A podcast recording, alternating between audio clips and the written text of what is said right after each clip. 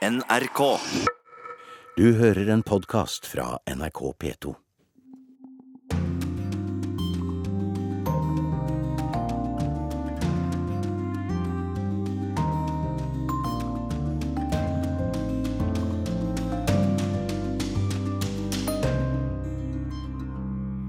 Klokken har passert 11.03, og du hører på NRK Radio, P2 eller Alltid nyheter, der stikkordene for den neste timen er uro i Trumps rekker, terror i Spania, men også turisme.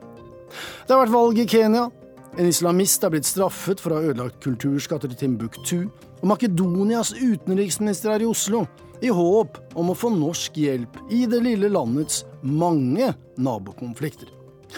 Urix på lørdag har også besøkt Arendalsuken for å være relevante, som det heter, selv om vi anser oss for å være høyst relevante også i årets 51 øvrige uker. Korrespondentbrev er poststemplet i Istanbul og byr på språkopplæring. Dette er Verden på lørdag. I USA har det vært en mer turbulent uke enn vanlig, selv med de siste seks månedene som målestokk. I går fikk altså president Trumps viktigste rådgiver Stephen Bannon sparken, og han har allerede inntatt sitt gamle kontor som leder for den nasjonalistkonservative nyhetsorganisasjonen Breitbart News. Der jubler de! Og bandet selv er ingen slagen mann. Nå blir det krig, heter det. Og da tenker han ikke på Nord-Korea, men på demokratene, i anførsel, i Det hvite hus. Tove Bjørgaas, NRK-korrespondent, tidlig oppe. Hva mener Bannon med dette? Ja, Det kom altså litt eh, av en kraftsalve fra eh, Bannon i et intervju med det konservative magasinet Weekly Standard i går kveld. Han sa rett og slett 'jeg er fri, nå har jeg fått våpnene mine tilbake'. Og så sa han at nå vil han fortsette å kjempe for Trump og mot opposisjonen, som han sier, fra altså, eh, nettstedet Breitbart. Hva, han, hva, det er han skal gjøre, det kan vi jo bare gjette oss til. Men, men han, det er altså ingen, ikke snakk om noen karantenetid her. Han skal tilbake som redaktør for dette nettstedet, og har da tenkt å kjempe som han sier, mot de demokratiske fraksjonene i Trump-administrasjonen. Ja, og Da tenker han altså selv i Det hvite hus på presidentens egen datter Ivanka og på, på svigersønn Jared Kushner. Er det sannsynlig at, at banden vil kunne klare å splitte Ivanka Trump og faren? Det er jo veldig eh, pikant å tenke på. Eh, disse to, altså dattera til presidenten og Jared Kushner, er jo kjent for å være de mer moderate i administrasjonen. Sammen med bl.a. Gary Cohn, en av Trumps viktige økonomiske rådgivere, som Bannon har ment har fått for stor makt. Og Nå er det altså den nye stabssjefen John Kelly som har gitt Bannon sparken, og som har ønsket å rydde opp i alle disse fraksjonene inne i denne kaotiske administrasjonen. Eh, men Trump er kjent for å holde tett kontakt med dem som er blitt sparket. Han holdt bl.a. kontakt med Michael Flynn, den eh, avsatte sikkerhetsrådgiveren sin, lenge. Eh, så vi kan vel vente oss at telefonen inn til det ovale kontor fortsatt vil være eh, mulig for Bannon å nå, og at man ikke kan passe på hva Trump gjør, f.eks. før han tvitrer. Det er jo bandet som har gitt ham råd om veldig mange av de reaksjonene han har kommet med etter hva vi har skjønt også denne uka. Så, så dette blir, ja, dette blir What a ride, skriver en kommentator på Twitter i morges. Ja, fordi at Donald Trump har jo hatt et svært nært forhold til Steve Bannon. Mange sier at det var han som fikk Trump valgt. Eh, så kan man spørre hva var det som skar seg, men du sier jo nå for så vidt at kanskje det bare er en formalitet, og at han vil fortsette som en uformell rådgiver? Ja, jeg, jeg, tror kanskje det. Og det var jo Steve Bannon som klarte å sikre Donald Trump valgseieren. Det var han som forsto at hvis du utnyttet sinnet i denne hvite, lavt utdannede kjernevelgergruppa til Trump, så kunne du faktisk klare å slå Hillary Clinton ved å kjøre hardt. Ved å angripe henne og ved å kjøre på eh, ikke nødvendigvis bare fremmedfrykt, men økonomisk nasjonalisme, som han kaller det. Eh, og, og, den genistreken kommer han sikkert til å fortsette å pushe på fremover. Samtidig så er det jo en ikke ubetydelig slitasje i Washington. Vi skal høre på hva senator, den republikanske senatoren Bob Corker sa tidligere denne uken. Uh, I think our president needs to take stock of the role that he plays in our nation and and uh, and and move beyond himself, move way beyond himself, and move to a place uh, where daily he's waking up thinking about what is best for our nation. Dette er ganske sterk lut fra en såkalt partifelle, Tove Bjørgaas. Hvor hvor sterk er denne kritikken, og hvor ofte kommer den til uttrykk? Og er det i ferd med å si, gå litt i oppløsning i Det hvite hus? Etter det Trump sa eh, pressekonferansen på tirsdag etter, eh, altså om disse, hvor mange mente at han tok side med høyreekstreme demonstranter, så har mange ment at det ikke har vært nok republikanere som har kritisert ham ved navn. Men det Bob Corker sier her, er jo rett og slett at presidenten ikke tenker på landets beste. Og det er jo en ganske drøy beskrivelse fra lederen i utenrikskomiteen i Senatet. Spørsmålet nå er når republikanere vil, vil begynne å tenke at han skader dem ved å fortsette slik han gjør. Det er mange eksperter av alle slag her de siste par døgnene som har ment at Donald Trump mangler det de kaller et moralsk kompass. Altså han, han, han forstår ikke hvordan du f.eks. skal opptre når nasjonen er i krise, slik den har vært denne uka etter disse opptøyene i Charlottesville. At du må samle istedenfor å splitte, f.eks. Eh, men, men spørsmålet er hvor, lenge, eh, altså hvor langt denne kritikken, hvor dypt den vil gå. Sannsynligheten er svært stor for at vi kommer tilbake til akkurat disse spørsmålene med deg, USA-korrespondent Tove Bjørgaas. Vi sier takk til deg. Du har et fly å rekke på tidlig morgenkvist i Washington DC.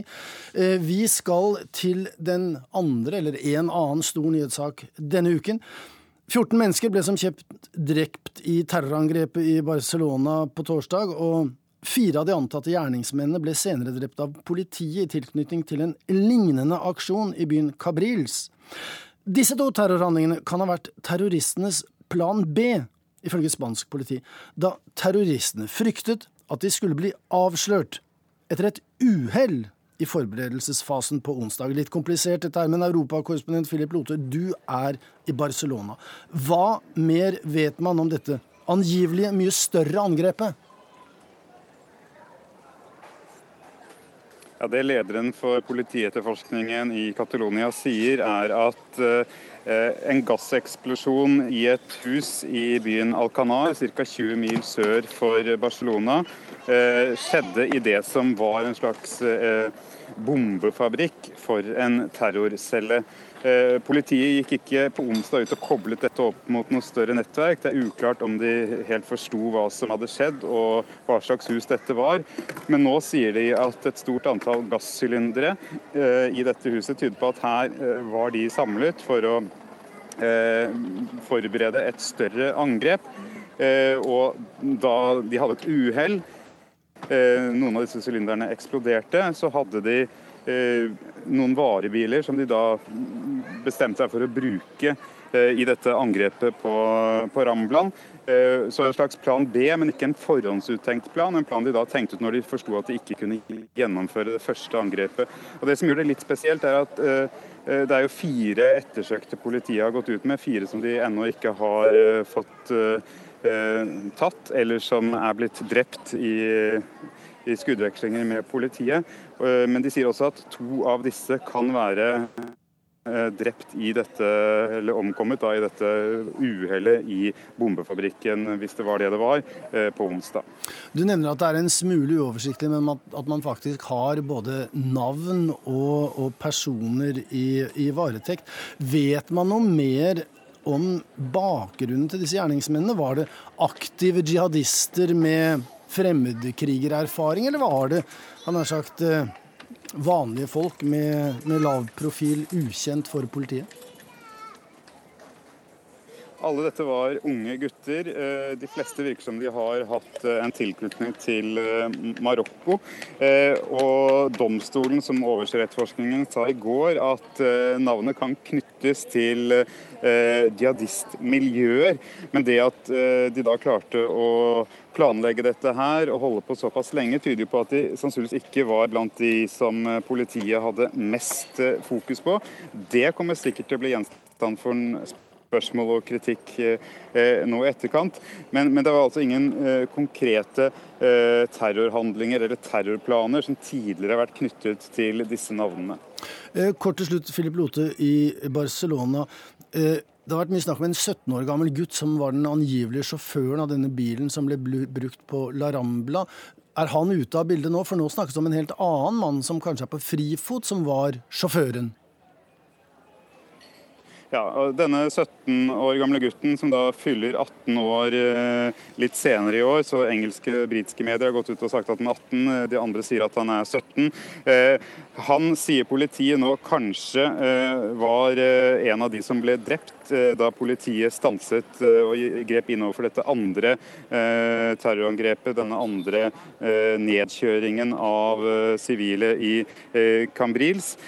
Og de etterlyser nå en, en 22 år gammel mann som de mener kan være den som har kjørt ned eh, Ramblan.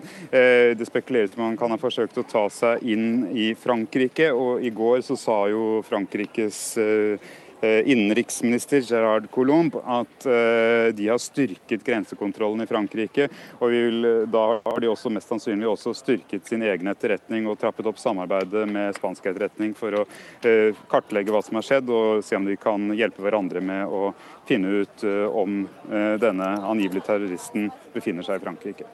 Da sier vi takk til deg, Philip Lote, men vi skal fortsatt holde oss i Spania, skjønt nå skal vi snakke om turisme. Barcelona er jo en av Spanias viktigste, og for den saks skyld en av Europas mest populære turistdestinasjoner. Ofrene, eh, døde og sårede, kom fra 34 forskjellige nasjoner. Og mye tyder på at Barcelona kan ha blitt valgt som terrormål nettopp av byens mange besøkende og byens popularitet. Men dette høye antallet besøkende er blitt et problem også for spanjolen, helt uavhengig av terrorismen, for turismen er blitt kontroversiell. Spanjolene selv blir fortrengt, de protesterer og demonstrerer, og nå krever de fastboende turistkvoter og adgangsbegrensninger, forteller Marit Kolberg. På middelhavsøya Mallorca, dit så mange kommer for å nyte late soldager, har myndighetene forsøkt å bremse denne utviklingen. For de siste fem årene har husleien i Palma økt med 40% no sé dónde voy a ir después de septiembre.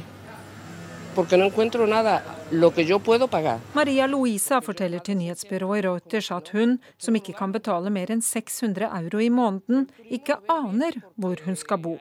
Det er bra med turisme, det gir oss jobber, men folk må jo ha råd til å bo her også, sier hun una creciente crítica del residente, del ciudadano, ante las molestias que pueda crear una excesiva masificación. De som lever her, blir mer og mer klar over ulempene med masseturisme. Nå jobber vi for å finne en slags balanse, sier Bil Barcelo, som er turistminister på øya. For noen år siden vedtok de lokale myndighetene at det ikke var lov å leie ut uten å være registrert, men reglene ble ikke fulgt. Så nå er det vedtatt nye bøter. Hvis man driver privat utleie uten tillatelse, så kan det gi en bot på mellom 20 og 40 000 euro. I den nordspanske byen San Sebastian er det også trangt om plassen. Turistene tar selfier og fotograferer, mens det på vegger, benker og på dører er tagget 'Tourists Go Home. På morgenkvisten kommer bilene som spyler vekk budskapet, og rødmalingen kostes vekk før en ny dag begynner. Til Spania kom det 75,6 millioner turister i fjor, og i år er det ventet minst 80 millioner, noe som er rekord. Folk i San Sebastian sier at ikke det er turistene de er lei av, men de er lei av at de er så mange. På strendene og restaurantene er det fullt, og det blir vanskelig å finne parkeringsplasser. Og de er lei av fulle folk som urinerer i portrom og trappeoppganger nattestid. Og det er ikke bare spanjoler som føler seg invadert av horder med høy solfaktor og raus lommebok. Til italienske Venezia kommer det 28 millioner besøkende i året. Siamo pronti a metterci in marcia? I slutten av juli marsjerte rundt 2000 innbyggere i en rolig protest. De mener de blir drevet bort fra byen sin. Nå er det nok hoteller her. Vi trenger boliger, sa Marco Gasparinetti til italiensk TV. Ogni palazzo che si libera a Venezia, compresa questa KDD alle nostre spalle, che è stato un ospizio per otto secoli. Han forteller at bygget han står foran, har vært et hospice i flere århundre, men at det nå skal bygges om til hotell. Dette kan ikke fortsette, sier han. På 50-tallet bodde det 155 000 mennesker i Venezia. I dag er det 55 000 igjen. Carlo Beltrame forteller at rundt 2000 innbyggere forlater byen hvert år. Og hvis det fortsetter slik, er det til slutt bare turister igjen her, sier han. Også i Roma har det vært lignende demonstrasjoner, og andre populære reisemål rapporterer også om lignende ting. I Paris er det nå 20 000 færre utleieleiligheter, og myndighetene regner med at de nå er leid ut til turister. Noen steder tas det grep som forhåpentligvis gjør livet lettere for lokalbefolkningen, og som kanskje til og med gir turistene en bedre opplevelse. I Kroatia blir det innført restriksjoner på hvor mange som slipper inn i gamlebyen i Dubrovnik. Og på greske Santorini blir det begrensninger på hvor mange cruiseskip som får legge til. El turismo hoy a algo más del 13% de las personas que trabajan en España. Tilbake i Spania minner den spanske statsministeren Mariano Rajoy sine landsmenn om hvor viktig turismen er for landet. På landsbasis er 13% ansatt i turistindustrien, mens det i Catalonia er hele 20% som er sysselsatt med å servere mat, re opp senger, vaske hotellrom eller gi badegjestene en cerveza eller noe annet godt. Y tenemos eh, que cuidarlo, que mimarlo vi må ta godt vare på dem, skjemme dem bort og behandle dem skikkelig, sier Rajoy.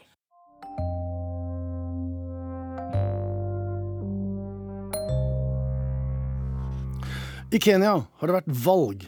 Det gikk i all hovedsak bra, og innbyggerne kan puste lettet ut. Det ble ingen gjentagelse av voldsorgen etter valget for ti år siden. Men nå sier opposisjonsleder og valgets taper Raila Odinga at han vil ta nederlaget til domstolene. Og det ulmer, for mange ble tross alt drept. Derfor er det både sinte og sårede kenyanere.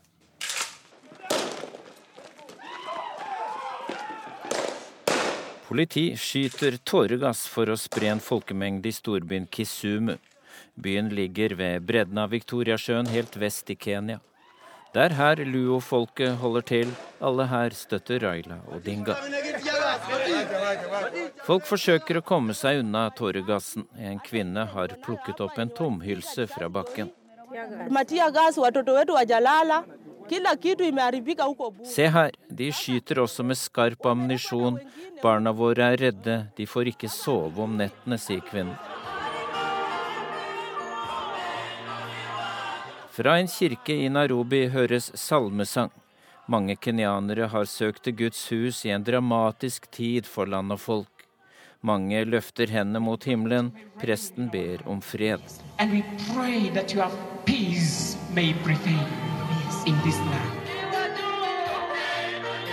I en og en halv uke har innbyggerne levd med en nesten uutholdelig spenning. Landet var igjen på kanten av stupet etter et valg. Onsdag denne uka var det mange som endelig kunne puste lettet ut.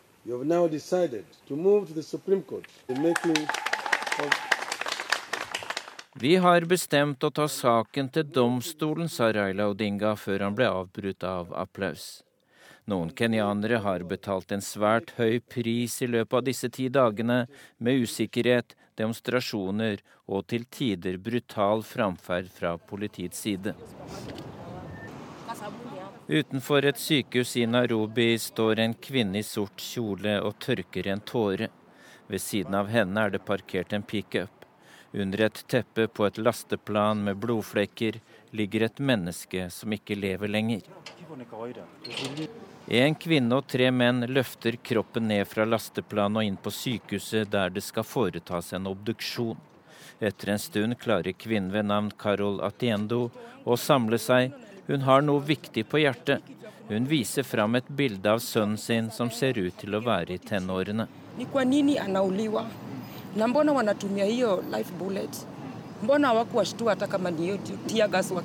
Min gutt ble drept helt uten grunn. Når en person har gitt tegn til å overgi seg, hvorfor velger de å drepe ham? Hvorfor måtte politiet bruke skarpe skudd, hvorfor ikke spre folkemengden med tåregass, spør moren, som blir intervjuet av nyhetsbyrået Associated Press. I Kenya har mange sterk sympati for Raila Odinga, som for fjerde gang har tapt et presidentvalg. Det smerter litt ekstra at han for andre gang taper et valg mot Uhuru Kenyatta. Fedrene til de to var legendariske Jomo Kenyatta, landets første president, og Oginga Odinga, som var mangeårig opposisjonsleder i tiden etter frigjøringen. Odinga senior ble aldri president, sønn Raila ser ikke ut til å lykkes han heller. Valget Kenya 8.8 gikk rolig for seg. Observatører som John Kerry fra USA og Thabo Mbeki fra Sør-Afrika stemplet det som fritt og rettferdig. Raila Odinga er provosert over at observatører så raskt godkjente valget. De burde skamme seg, sier han. Han forteller at observatørene gikk ut over mandatet sitt.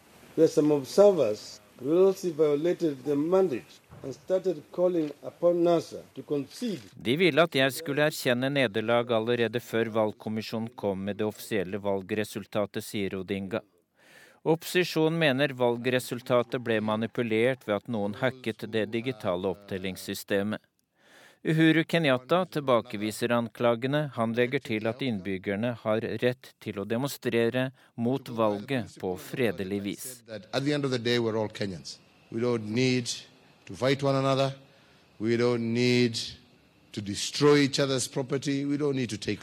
Vi er alle kenyanere. Det er ingen grunn for at vi skal slåss, ødelegge eller drepe hverandre, sa Kenyatta denne uka.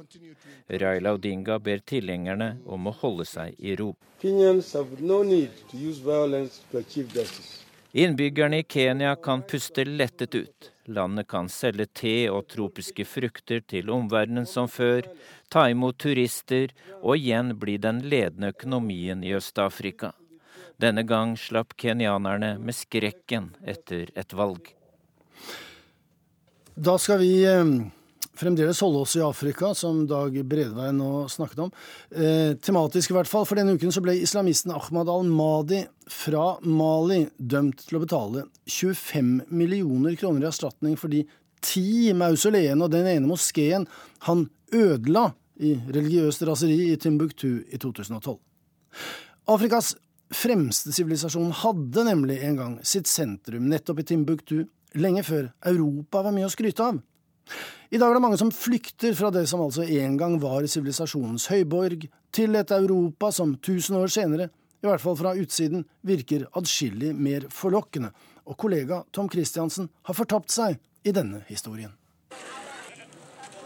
Ved kanten av Sahara, der sand møter Nigerfloden, der blåsvarte tuareger pakker seg helt inn mot støvet, der ligger byen med det elegante navnet Timbuktu. For 1000 år siden hadde byen et universitet med tre fakulteter. Juss, medisin og teologi. Lærebøkene kom som papyrusruller med kameler ridende fra Midtøsten. De navigerte etter stjernene. I byen bodde 100 000 mennesker, hver fjerde av dem var student. I Timbuktu tok folk med seg instrumentene til torget utpå kvelden, for sang og spill, dans og moro. Her opptrådte professorer, dommere og andre dannede menn. Og spiller gjør de fortsatt. Mali bør kjennes for sin blues.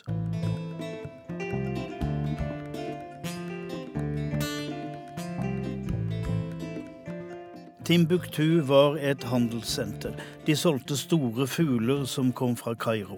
Elfenbenslaver og gull kom fra sør, krydder og salt fra vest. Det som lønte seg best, var å selge bøker. De kunne nesten alt, men de visste ikke hvordan de skulle blande trekull, svovel og salpeter. De kunne ikke lage krutt. Men det kunne noen andre. I 2012 kom terrorgruppa Ansar Dine med forbindelser til Al Qaida. De var væpnet til tennene, men det var ikke kruttet de brukte for å ødelegge noe av verdensarvens eldste og dyrebareste verdier. Ahmad al-Mahdi brukte hakke og fyrstikker, han knuste ni mausoleer og en moské. Hva drev ham? Han angret da han ble fremstilt for Den internasjonale straffedomstolen i Haag. Dette skulle han aldri ha gjort, sa Ahmed, og ingen andre bør gjøre det heller. Men den gang for fem år siden var Timbuktu et sted som vanæret islam. Her lå 333 helgener begravet. Det fins ikke helgener, det fins bare én profet. Her var det avbildninger av mennesker. Det er synd. Her var det manuskripter som uttrykte feil teologi. Det var dette de skulle knuse. Manuskriptene, skrevet på lær, inneholdt reiseskildringer og litterære verker. Her var kunnskaper om astronomi, filosofi, matematikk, politikk og kjemi, muslimsk juss, økonomi og geografi. Da uroen bredte seg før statskuppet i 2012, ante eierne av de 60 private bibliotekene i Timbuktu uro. De visste fra Afghanistan at jihadister er uten respekt for kulturelle fortidsminner. De 700 000 manuskriptene måtte ut av byen. Ikke alt lå i hyller og esker, mye var gravd ned eller gjemt unna etter århundrer med branner, kriger, anarki, flommer og tørke. Vous voyez comment ils sont Dette er stemmen til Abdelkader Haidara. Det var han som ledet arbeidet. Han eide det største private biblioteket i Timbuktu. Det var et farlig arbeid. De måtte pakke manuskriptene i forseglede metallbokser. De trengte flere tusen av dem, og fikk etter hvert økonomisk hjelp fra Europa. Men lastebiler ble stanset i veisperringer, så de smuglet i mindre biler. De pakket manuskriptene i kurver med frukt og grønnsaker på toppen. De padlet boksene ned Nigerfloden til hovedstaden Bamako. Så kom Marti til Timbuktu, med militssoldatene, hakkene og fyrstikkene. De satte fyr på de dokumentene som Haidara og de andre bibliotekeierne ikke hadde fått reddet unna. Deretter ødela de mausoleene og en moské. Jihadister brenner en moské? Å ja, det var en moské med feil tolkning av Koranen. Ansardine ble til slutt drevet ut av Timbuktu ved hjelp av franske tropper. De berget dermed byen fra ytterligere herjinger. Men redningsmennene bør ikke slå seg for brystet. Under den nesten 70 år lange franske kolonitiden, helt fram til 1959, straffet kolonistene folket med å brenne opp nettopp oldtidsdokumenter, for dem verdiløse lærbiter. Ahmad al-Marti er dømt til å betale 25 millioner kroner for sin kulturelle ugjerning. Han har ikke de pengene, så Den internasjonale straffedomstolen betaler det selv fra et eget fond for ofrene fra forbrytelser mot menneskeheten. Ahmad er også dømt til å betale Malis befolkning én euro i symbolsk erstatning, og det samme til UNESCO, som forvalter verdensarven. Det klarer han nok før han løslates om åtte år.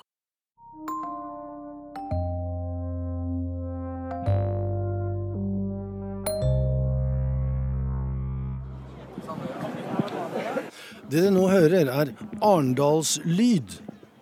For denne uken har verken snekker eller måker dominert lydbildet i pollen i den byen. For en uke i året er satt bort til andre, til politikere og lobbyister, til interesserte og nysgjerrige, til aktivister og journalister, og til Urix på lørdag. Og sjelden har munnhellet 'alle var der' stemt bedre, så vel. Norges Taxiforbund, som Oddfellow-ordenen hadde stands sammen med Bufetat og Nav, folkehøyskolen og fylkeskommunen, men også noen som sto Urix atskillig nærmere. Faste kunder som Amnesty og Kirkens Nødhjelp var der. Det samme var gamle kjente som eh, Fredskorps og Norad, og fjernere slektninger som Foreningen Norden og Greenpeace, samt bekjentskaper som Verdens naturfond. Kort sagt altså, de var der. Markedet i dag er, sånn som jeg ser det, litt fortegnet selvfølgelig, men det er et, et marked som er Over 800 møter og seminarer om det meste. Partilederne skinte og solte seg i glansen, mens backbencherne svettet og sleit.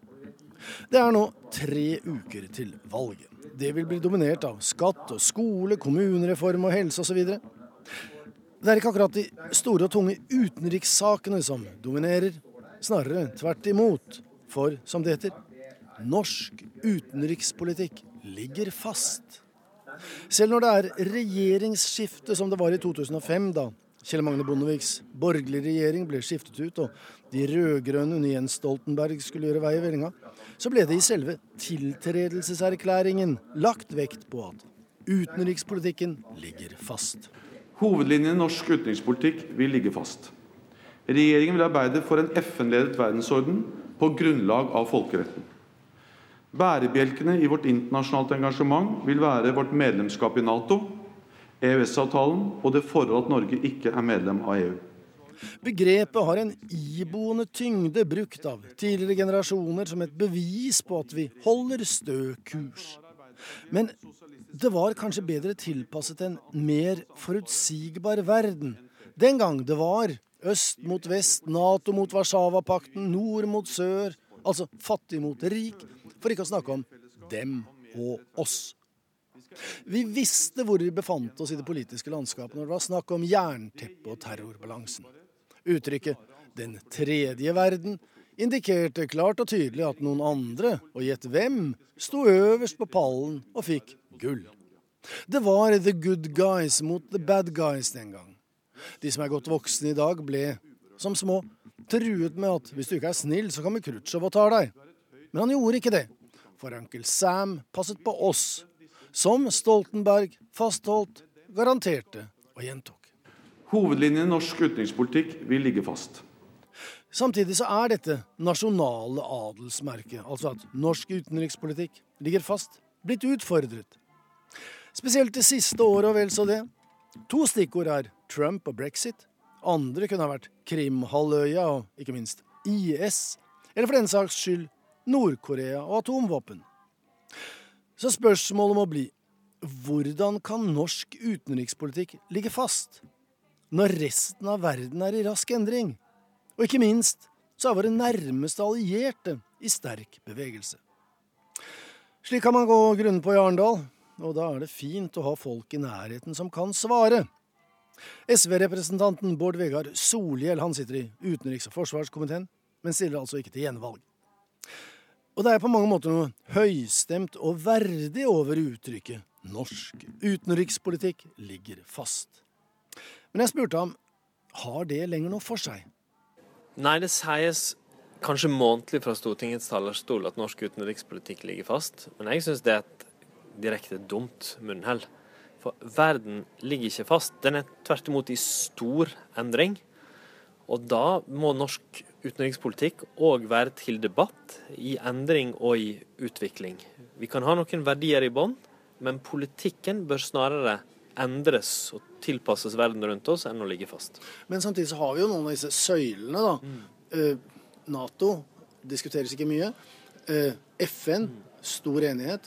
Eh, bistand, fred, menneskerettigheter osv. Slik at det er jo, som du sier, noen verdier her som ligger i bånn? Eller mener du at de burde få større utslag i uenighet i debatten? Altså det, det, er bra å ha noen verdier eller stolper i bånn. Skjønt jeg tror vi kunne diskutere dem mer òg, men det er bra å ha enighet om. Men i, i Norge brukes begrepet 'utenrikspolitikken ligger fast' om veldig mange og ganske små ting, eh, der vi tvert imot kan være nødvendig å tenke nytt. Og jeg syns det er altfor mye sånn at vi, vi, priser oss over den store konsensusen eller enigheten, når det vi trenger kanskje er debatt og meningsbrytning. Der det tenkes for likt, det tenkes det som oftest for lite. Journalister har kanskje noe av skylda for det du nå anklager Norge for. Og politikere, lærere, universitetet. Hvem, hvem må ta ansvar for disse brytningene? Etter mitt syn så er det større meningsbrytning i, både i mediene, journalistikken og i forskningsmiljøer og organisasjoner om utenrikspolitikken enn de tradisjonelle partiene. Jeg tror partiene lever i, liksom, i litt arven fra den kalde krigen, der det var litt skummelt med uenighet i den store utenrikspolitiske debatten. Men den tida er over. Nå er det tvert imot en tid med store endringer, der det er nødvendig å revitalisere debatten og få fram ulike syn, fordi det er det som kanskje kan bringe oss videre og modernisere utenrikspolitikken. Eh, samtidig så sier vi ofte at det er ingen i USA som stemmer pga. utenrikspolitikken. Hvordan er det i Norge? Føler du at utenrikspolitikk har vært og er et tema i valgkampene som flytter velgergrupper? Jeg tror det er riktig å si at uten den tradisjonelle utenrikspolitikken ikke spiller en så stor rolle i valgkampen. Ikke i debatten og ikke for stemmegivning. Men på viktige felter så flyter utenriks og innenriks sammen. Migrasjon og innvandring. Det er krisa i Europa, debatten om økonomi og verdier, det er noe som, som går over til oss. Eh, og forholdet til Russland som påvirker vår forsvarsdebatt.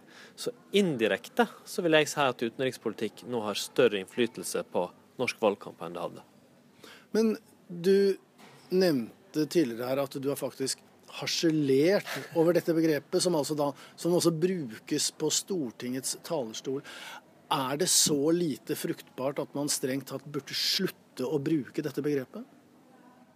Ja, jeg synes begrepet utenrikspolitikken ligger fast brukes for mye, ofte bare av gammel vane. Som en sånn trygghet. Hui, det er som før. Eh, vi burde heller si at utenrikspolitikken er i utvikling og har behov for oppdatering eh, og debatt når det er så fundamentale endringer som skjer mm, rundt oss. Og jeg tror, jeg tror det er litt negativt for måten vi tenker sjøl på òg, hvis vi hele tida går rundt og forteller hverandre hvor viktig det er at alt ligger fast.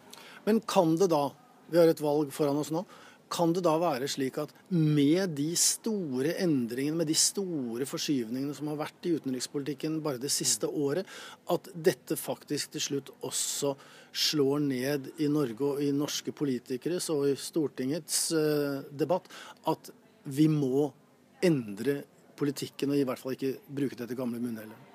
Jeg tror vi kommer til å se større endringer i utenrikspolitikken i Norge i ti år framover enn vi har hatt på veldig veldig lenge. Men jeg tror ikke det slår ned nå i valgkampen. Jeg tror det kommer til å skje som en gradvis erkjennelse. Fordi det skjer store endringer rundt oss. Migrasjon og økonomi i Europa. Eh, Trump og USA. Eh, og hele nordområdene og utviklinga der. Eh, jeg håper i hvert fall at vi skal se en utvikling i den retning. Sa altså Bård Vegar Solhjell. Men med all mulig respekt for Solhjell, han kommer jo ikke lenger enn til å bli miljøvernminister, et felt som riktignok er mer globalt enn nesten alle de andre områdene til sammen nå. Men det er bare de aller viktigste av politikerne, og egentlig bare stats- og utenriksministrene, som kan bruke dette uttrykket med autoritet og tyngde, med patos og patriotisme. Norsk utenrikspolitikk ligger fast. Man hører jo at når jeg sier det, så blir det helt feil. Det funker ikke. Så hva med mannen som forvalter begrepet i det daglige nå for tiden? Børge Brende står riktignok midt oppi et valg, men som utenriksminister så er han litt på siden. I alle fall hvis man tar begrepet på alvor. Og gjør man egentlig det i dag, eller er det nye tider? Det er jo at uh, gammelt munnhell, dette med at uh, norsk utenriks- og sikkerhetspolitikk uh, ligger fast.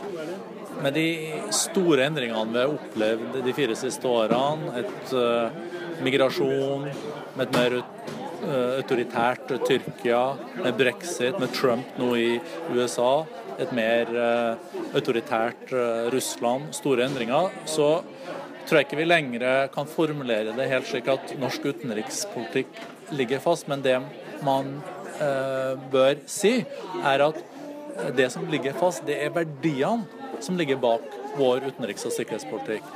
Ehm, det med folkeretten, at det er vårt førstelinjeforsvar.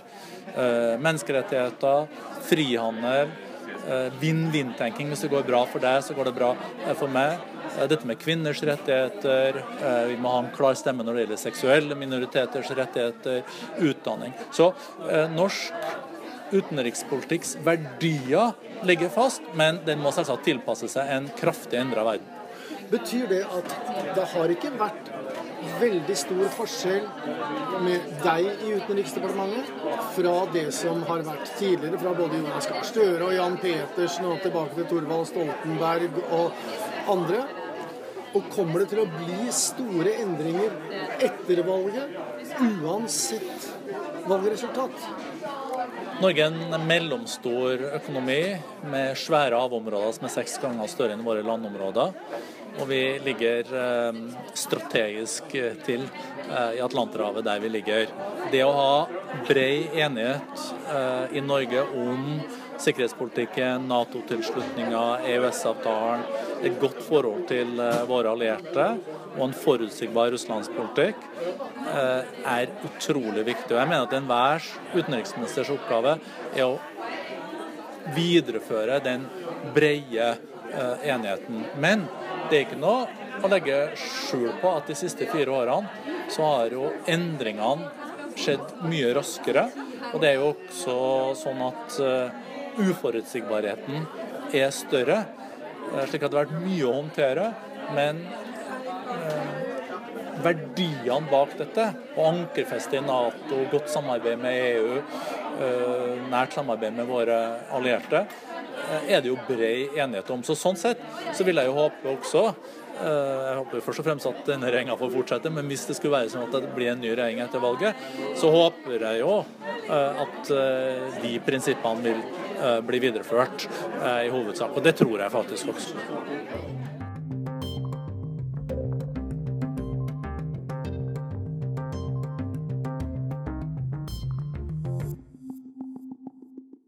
Et land der utenrikspolitikken ligger fast, det skal vi høre om nå, det er Makedonia. For få land har vanskeligere naboer, og de sier sikkert det samme om eh, Makedonia, eller Fyrom, som landet kalles internasjonalt. Former Yugoslav Republic of Macedonia. Den makedoniske makedonske identiteten er et brennhett tema på Balkan, og nabolandene nekter i tur og orden å anerkjenne så vel navn og språk som kirke og altså da identitet. Nå søker de hjelp i Norge. Vår reporter Roger Sevrin Bruland har møtt den nye makedonske utenriksministeren, som altså nå er i Oslo. Det begynner med signering av en samarbeidsavtale. Børge Brende ønsker å hjelpe den nye regjeringa i Makedonia, som ble født ut av ei politisk krise i vår. Den nye utenriksministeren er en røynd diplomat. And we want to build a European democracy, and we actually look to Norway for inspiration and, and support. Men tross ny regjering, utfordringene er de samme. Hellas blokkerer både Nato og EU-medlemskap.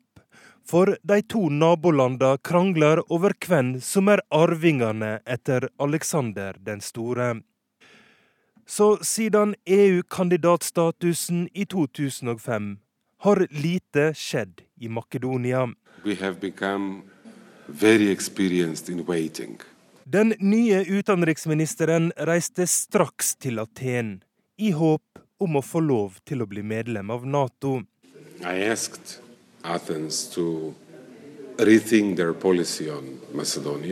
Perhaps to reconsider what kind of a neighbor they would like to have five years from now, ten years from now. Now is the time to help. Men Hellas er ikke eneste vanskelige naboen i regionen.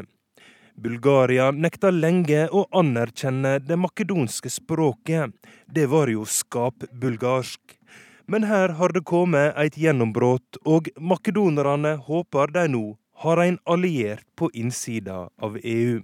We proved that two Balkan nations can resolve issues even without third-party mediation. From Brussels, the message was this is an inspiration for the whole region. Bulgaria is taking over the EU presidency as of 1st of January. And for us, it's really important for them to be a champion rather than an obstacle. Men så var det Serbia i nord, da. De anerkjenner ikke den makedonsk-ortodokse kirka, for den er jo serbisk. When it comes to the, um, that uh, church schisma that you had with Serbia for so many years, is there any resolve coming there, or is it that still status quo? It is status quo, but I can say on Serbia we're gonna we have shared a, uh, a country. We're gonna always be brothers, and uh, whether we're gonna be brothers who argue or brothers who embrace and walk and run together. Mm. Men den aller største utfordringa til makedonerne kommer innenfra. Den albanske minoriteten har pressa på for auka retter og full implementering av Ohrid-avtalen som kom i stand etter en liten krig på tidlig 2000-tall. We have been burned by the wrongdoings of uh, our predecessors as a nation.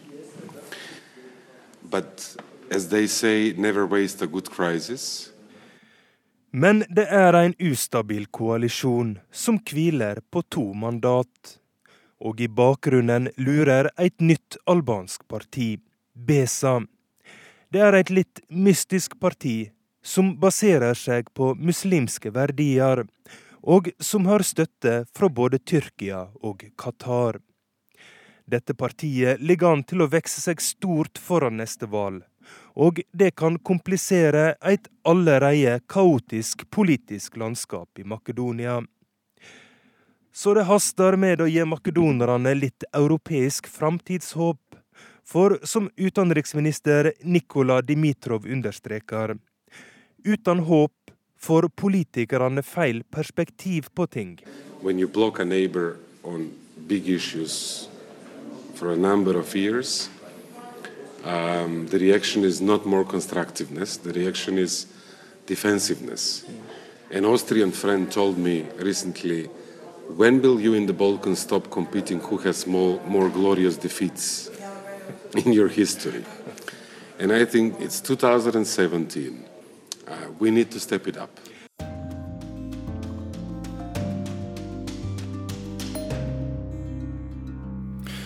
Språk er tema for dagens eh, korrespondentbrev. Fremmedspråk. Å kunne forstå hva folk sier i fremmede land, det er viktig for mange, men kanskje særdeleshet for en utenriksmedarbeider. Men alle språk er ikke like lette å lære seg, selv om viljen er til stede. Det forteller Sissel Wold, fremdeles på norsk, i dette brevet som er postlagt Istanbul. Jeg satt i en taxi på vei over Bosporosbroen i morgenlyset. Under oss beveget en enorm rød og svart tankbåt seg sakte gjennom det vakre stredet. Klokken var bare sju, og jeg hadde det travelt. Vi skulle plukke opp fotograf Gökce, og deretter måtte vi lynraskt videre for å få de avgjørende bildene til helgens reportasje. Dagen før hadde vi fulgt den store marsjen Tyrkias opposisjonsleder Kilic Darolo satte ut på da myndighetene arresterte nestlederen hans. Den 69 år gamle partilederen var sint og ville marsjere alle de 430 kilometerne fra Ankara til Istanbul for rettferdighet og demokrati. Han var i kjempeform etter å ha gått 20 km hver dag i tre uker, og da vi skulle filme ham, gikk han rett og slett fra oss i folkemengden. Denne morgenen hadde vi en siste sjanse til å følge ham, før vi måtte redigere. Jeg satt anspent i baksetet og åpnet munnen for å si til taxisjåføren at han måtte skynde seg. Og så hørte jeg meg selv si Bugun hava çok güzel. I dag er det veldig pent vær. Det var det eneste jeg greide å si på tyrkisk, så hjelpeløs jeg følte meg. Ordene jeg trengte, kom ikke til meg. Tyrkere flest snakker ikke engelsk. De forsøker ikke engang. Lærer de ikke engelsk på skolen her, lurte jeg på, i landet som offisielt er et søkerland til EU. Mens store deler av verden ser mengder av engelskspråklig film og amerikanske TV-serier, og lærer av det, er Tyrkia helt upåvirket. Tyrkerne foretrekker de mange tyrkiske TV-dramaene som ruller og går i millioner av hjem. Å være uten språk er som å leve i et vakuum. Det er som å gå med en bøtte over hodet. Det er som å være alene på en øde øy der du ser skipene seile forbi. Slik har jeg følt det det første korrespondentåret mitt her i Tyrkia. Som jeg har misunt mine kolleger som jobber i land der folk flest snakker litt engelsk. Som jeg har savnet å kunne bruke mine andre språk. Etter kort tid i Istanbul innså jeg at jeg måtte lære meg tyrkisk. Og språket er viktig for journalister i en tid da mediene her er under press og mange tyrkere er mistenksomme overfor vestlige pressefolk. Det kan være avgjørende å kunne gjøre rede for hvem man er om man kommer opp i en vanskelig situasjon. Men hva slags språk er egentlig tyrkisk?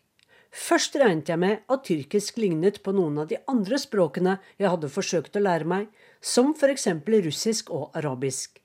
Tyrkia ligger likevel land med slaviske språk, så det var kanskje noe å hente der. Eller var tyrkisk blandet med arabisk, siden de tyrkiske osmanerne dominerte den arabiske verden i flere hundre år? Men det var lite å hente. Den dårlige nyheten er at det tyrkiske språkets nærmeste slektning visstnok er koreansk. Den gode nyheten er at tyrkisk skrives med latinske bokstaver. De første ordene jeg lærte fra Duolingo-appen, var elma, altså eple, erkek, mann og ekmek, brød. Elma Erkek Ekmek. Hvor tar de det fra, lurte jeg på. Hvor kommer dette språket fra? Jeg lette etter svar og oppdaget gøkk-tyrkerne. Gøkk er himmel på tyrkisk, altså himmeltyrkere eller himmelske tyrkere. Dette var en allianse av nomadestammer som dominerte hele området fra Kina og Mongolia til Øst-Europa. Men deres tid var over, 700 år etter Kristus. Jeg fant deretter en mulig etterkommer av gøk-tyrkerne, en stammehøvding fra de sentralasiatiske stepper, der Usbekistan og Kasakhstan ligger i dag. Han het Tugril Beg og var fra Seljuk-klanen. For 1000 år siden la Tugril ut på erobringstokt og kontrollerte etter hvert deler av Midtøsten, bl.a. Persia og Anatolia, som i dag er Tyrkia. Den tyrkiske Seljuk-klanen tok språket sitt med seg. Da et annet tyrkisk dynasti, osmanerne, dominerte Midtøsten de neste hundreårene, brukte de et språk rikt på arabiske og persiske lånord, skrevet med arabiske skrifttegn. Men etter 1928 ble dette språket skrotet. Da den nasjonalistiske Mustafa Kemal Atatürk bygget opp det nye Tyrkia etter det osmanske rikets fall, byttet han ut det arabiske alfabetet med det latinske, som passet bedre til tyrkisk fonetikk. Han luket ut arabiske gloser og erstattet dem med tyrkiske ord. Selv om tyrkiske ord er helt forskjellige fra noe jeg har sett eller hørt før, er lydene lette for en nordmann. Her er det mengder av ord med ø-er, u-er, a-er og o-er. Tyrkisk har bare én bokstav som er vanskelig, en i uten prikk som uttales y, eller noe sånt. I hele år har jeg siktet mot onsdag 28. juni. Det var da jeg skulle gå gjennom lydmuren. Det var dagen da jeg begynte på mitt fire ukers intensivkurs i tyrkisk. I den første timen lærte vi å hilse, god morgen, god formiddag, god kveld og god natt. Det var da jeg oppdaget at jeg med den største selvsikkerhet i ett år har sagt gonaidin, altså god morgen, til folk jeg traff også om ettermiddagen og om kvelden. Læreren snakket bare tyrkisk i klasserommet om verb, bøyninger, unntak og suffikser. En time kunne jeg sitte og lytte intenst etter ett, bare ett gjenkjennelig ord, men uten å skjønne noe. Det var som å sitte i mørket. Men så kunne lyset sive inn den neste timen, som da hun lærte oss om klokkeslettene. Plutselig var det som om ørene fungerte igjen. Vi var elleve i klassen min. Fem palestinere, én syrer, én egypter, to kinesere, en fra Serbia, eller Serbistan, som det heter på tyrkisk. Syreren i klassen slet med å henge med. Og jeg tenkte på hvor mye vanskeligere han hadde det enn meg. Jeg har tross alt en fast jobb, et godt sted å bo, et norsk pass, og jeg må ikke lære tyrkisk. Han må lære seg språket, i likhet med de fleste av de tre millioner syrere som har flyktet hit, og som må begynne på et helt nytt liv fra grunnen av her. Hver gang jeg skal si en setting på tyrkisk, må jeg tenke flere minutter før jeg tar sats. Som i et puslespill har jeg brikkene, jeg kan alle ordene, men i hvilken rekkefølge skal jeg si dem, og hvordan skal jeg bøye dem? Mens vi sier 'jeg spiser mat i restauranten', sier tyrkerne 'i restauranten mat spiser jeg'. Tyrkisk er som matematikk, et system av grammatikk, suffikser og bøyninger. Men det er et flott språk, og mange ord er som musikk. 'Jeg går og snakker' heter f.eks. juriorum vekonoshiorum. To av yndlingsordene mine er tordenvær, gøk gurultusu. På gjensyn er gurusjurus. Jeg kan bli motløs av tanken på at jeg sier noe helt annet enn det jeg forsøker å si, fordi bøyningen er feil. Men det er bare å begynne. Nylig satt fotograf Gökce og jeg og redigerte. Det var varmt, og det var slutt på alt drikkevannet. Sist jeg forsøkte å ringe etter ny vannbeholder, ble jeg satt over til et automatsvar. Jeg skjønte ikke noe og mistet motet. Kan ikke du ringe etter vann? Jeg bønnfalt fotografen. Nei, nå ringer du selv. Du må praktisere tyrkisk, svarte han strengt, men velmenende.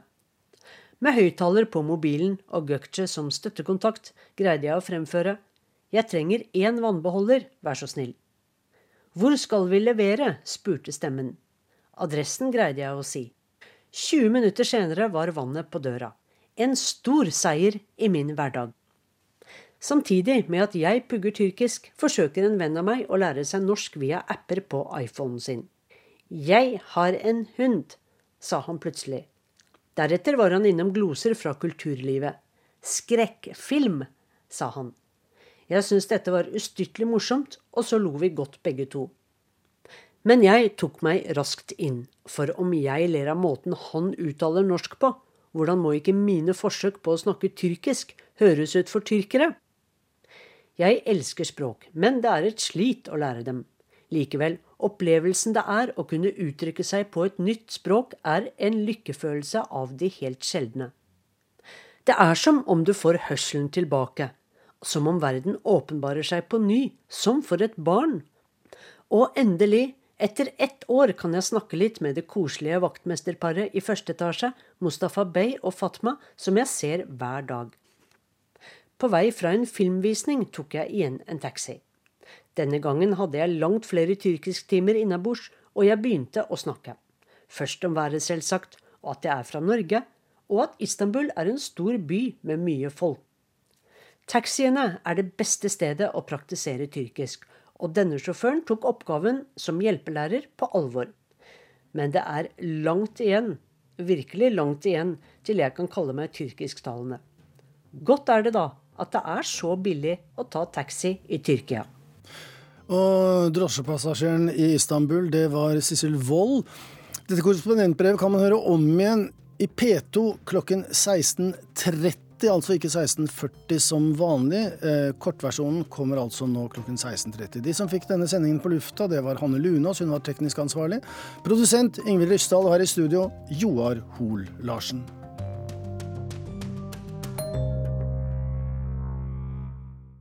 Du har hørt en podkast fra NRK P2.